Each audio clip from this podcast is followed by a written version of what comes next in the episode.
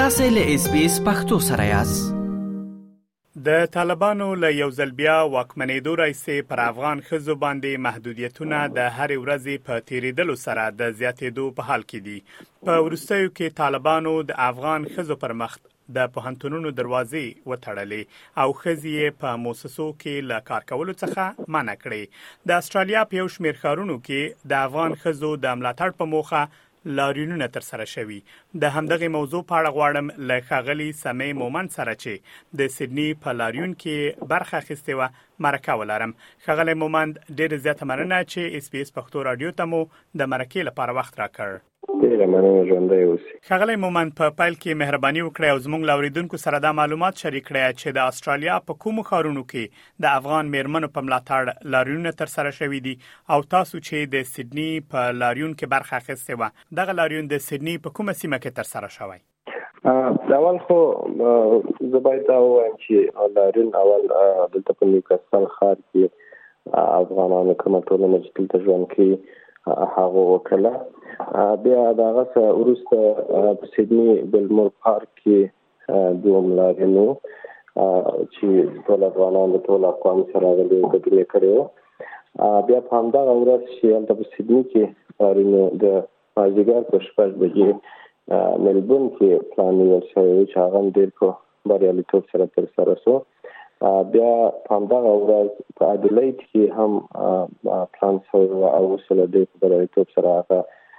لارین هم سرته ورسېدله نو د آینده کې نور سټیټس او نور ښارونه هم دي لوی لوی چې پلان لري چې کیږي به هغه هم کیږي مننه مومن صاحب تاسو په نیوکاسل ښار کې په سیدنی کې په ملبون کې همدارس په اډلیټ ښار کې لاریونونو ته اشاره وکړه او دا مو ویل چې ممکن په راتلونکي کې په نورو ښارونو کې هم لاریونونه د افغان میرمنو په ملاتړ تر سره شي زما پوښتنه دا ده چې آیا دغه لاریونونه د کوم خاص کس لخوانه یا هم د کوم شبکې لخوانه پلان شوی و که په استرالیا کې میشت افغانانو په هر ښار کې پلان نیولای او په دغه لاریونونو کې برخه اخیستي او دغه لاریونونه جوړ کړی و نه وروره زه باید واضح دا خبره وکړم چې دا کوم شبکې پورې تړاو نه لري او کوم کوم شخص پورې تړاو نه لري دا په ځینې ښارونو کې موږ موږ رسمي ټولنې لرو د افغانانو ټولنې چې راجسته بیا ته هغوی هم په دې کې رول نه لري ټول خپل افغانان ولسي لکه ولسي پاڅون غوندې ټول خپلو منځونو کې مشورې سلاوې سره وکړلې او راووتل لارینه یې وکړه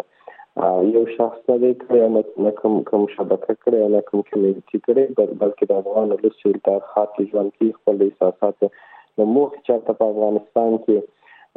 بیا ځل خو مکاتب بنسو بیا د مکاتب وروسته بیدون د کوم شرعي عذر شوی چې زنا او بیرون نشي وتلی بیا د هغه وروسته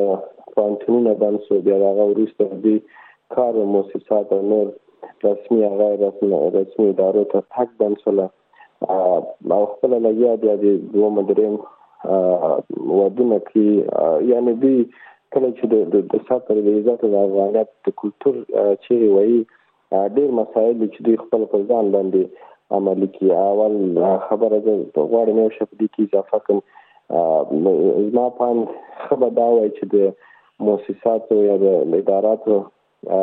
پر ښځو باندې د کار دند حکم نه خو دا به وای چې د تورخم یا د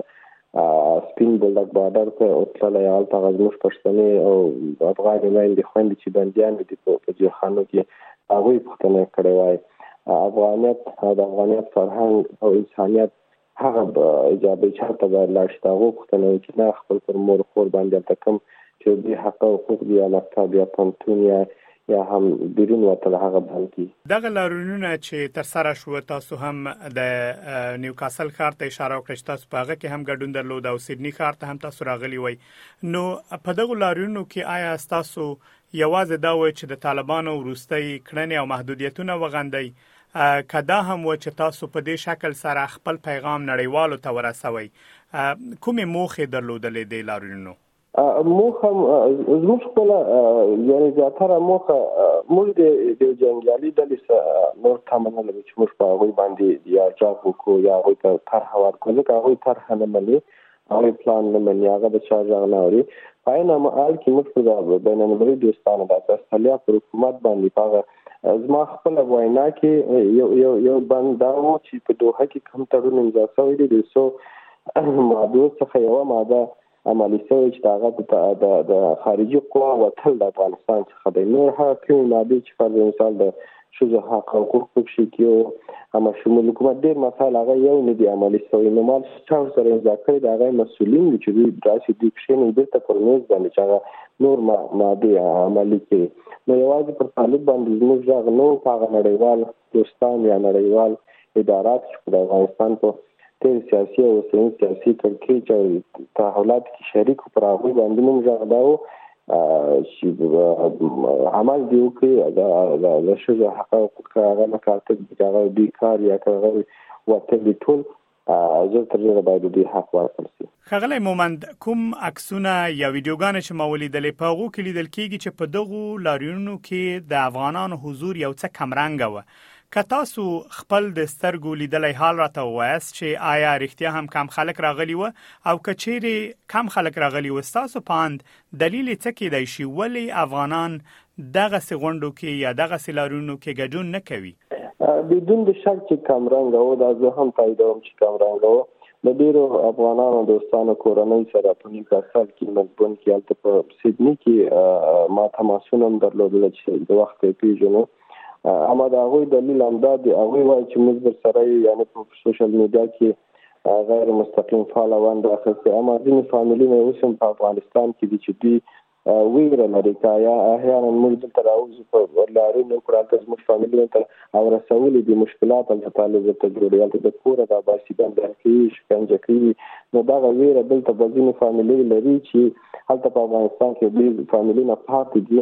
نو دغه ویره لري چې هلته دوی ورته مشکلات ستونزې جوړوي او بندیان کوي او شکنجه کوي نو هغه کوم فامیلونه چې راوتلي وو هغه مثال زما خپل فامیلونه دي دلته دي نو موږ هغه ویره نه لرو طبعا نو دغه ډلې ته ویره په کار د هغه نه د انسانیت پر قوانین پوهېږي نه د چا نه کوم قوانین هلته په افغانستان کې دوی لري چې عملي کړي بس هر یو د کوره راوباسي شکنجه کې پر شخصي مسایلو پر پر نورو مسایلو نو د ټول فامیلي دغه ویره ده که موږ دلته راوځو هلته زموږ